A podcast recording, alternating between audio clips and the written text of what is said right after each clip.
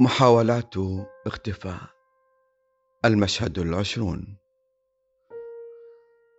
كنا مذنبين. كنا مذنبين وشاركنا في جرم انحرافه رغم بيان موقف أبوي من البداية. لرفض سفر أي بنت من العائلة بروحها للدراسة أو غيره. بس إحنا قلنا لا لازم نتطور ونجاري العصر. ما في شيء بأثر تربية بناتنا.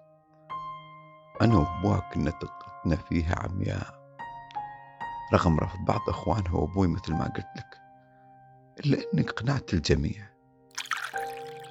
وذللت كل العقبات اللي واجهتها. والنتيجة؟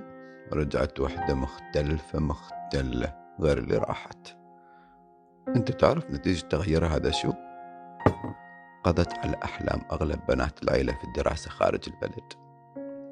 أو حتى مجرد السفر للترفيه. صارت قدوة سيئة. قضت على أبوها بتعنتها ودلعها ودلال إلها. كلنا دفعنا ثمن هالشي لأن ما وقفنا في وجهها من البداية. حرام حرام يا أخي بنت بشخصيتها وذكائها تقول هالمآل. لكن أمر الله لابد له حكمة في هالشي ظل يحكي كثيرا وبتأثر مبالغا فيه. ونحن جالسين في مجلس بيته المتواضع. بعد إصراره دخولي البيت لنتحادث بهدوء كرجل لرجل. وأمنياته بعودة صفية لرشدها. رأيت فيه رجاحة العقل ووسطية الدين التي يرتاح لها الشخص في محاورته. ربما هذا يفسر تواضعه المعيشي بعكس ما تظنه صفية أو ما صورته لي. وجاء دوري الآن لأرد على سؤاله المباشر لي. إن كنت أريدها زوجة أو فتاة ليل. هكذا قال لي حرفيا لتشعرني بغصة غريبة.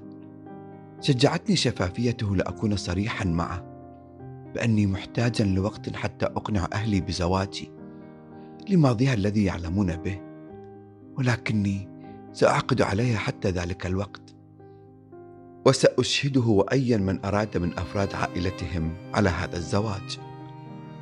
أخبرته عن مدى حبي لها بكل عيوبها وحسناتها.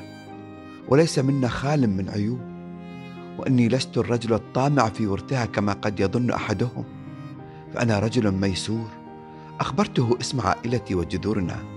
وبالطبع تعرف عليهم وذكر بعضا من أفراد العائلة بالاسم وهذا ما أراحني وأراحه نفسيا.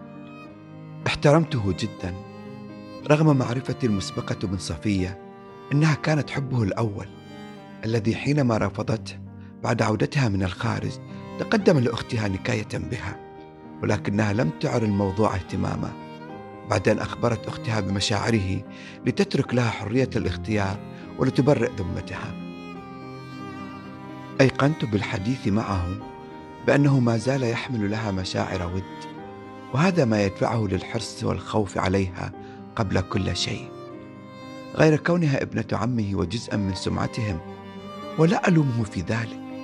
اتفقت معه على كل شيء. لنتفاجأ برفض صفية وحدتها وصراخها. وإنها ليست سبية تقاد كما يشاء لها غيرها وإنها لن تتزوج بهذه الطريقة إلا إذا اضطرت لذلك. لا بد لها من التأكد من عدة أشياء بيننا وقبل كل شيء إقناع أهلي بهذا الارتباط.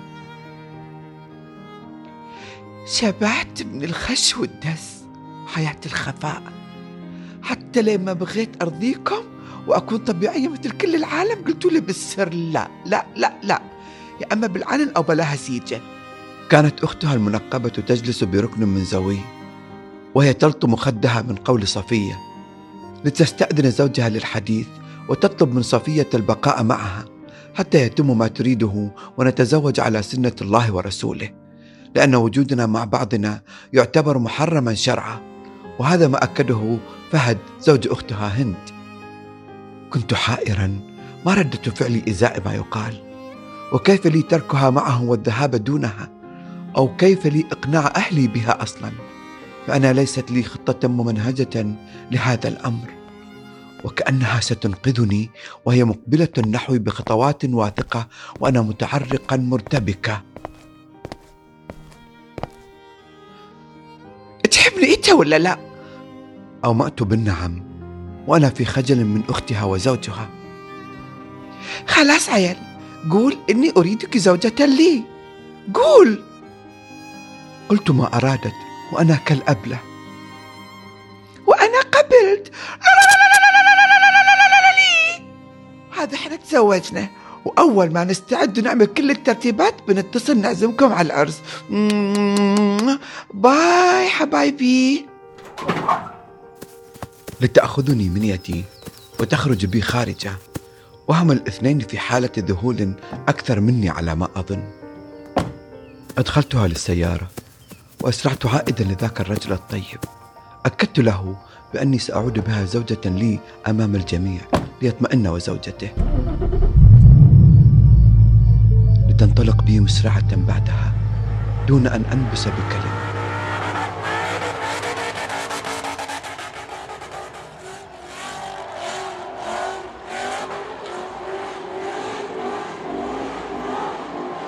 وما وعيت بنفسي إلا وأنا متكوما أسفل المقعد. لما تفعله بتلك السيارة من التفحيط؟ وكيف تحرق إطاراتها على الأسفلت وروائح الدخان التي امتلأ بها المكان وهي تصرخ تصرخ بي بعلو صوتها؟ كذاب كذاب كذاب كذاب ضعيف تافه ما عندك الشجاعة تواجه نفسك كيف أهلك؟ لا تعطي أهل وعود أنت ما يا حقير يا تافه. وأخذت تكيل علي الشتائم والسباب بكل انواعه وأنا في حالة خوف وغثيان حتى كنت أتقيأ وأفقد وعيي حاولت إيقافها ولكنها ابدا تزداد في الدوران بذلك المقود والصراخ لاصرخ معها لعلها ترأف بي.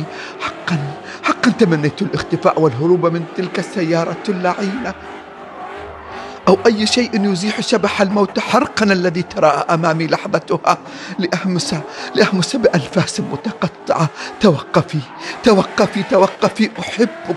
نعم أحبك أحبك. سأفعل لأجلك كل ما لا أستطيع فعله. توقفي توقفي. آه, آه لو أختفي. يتبع.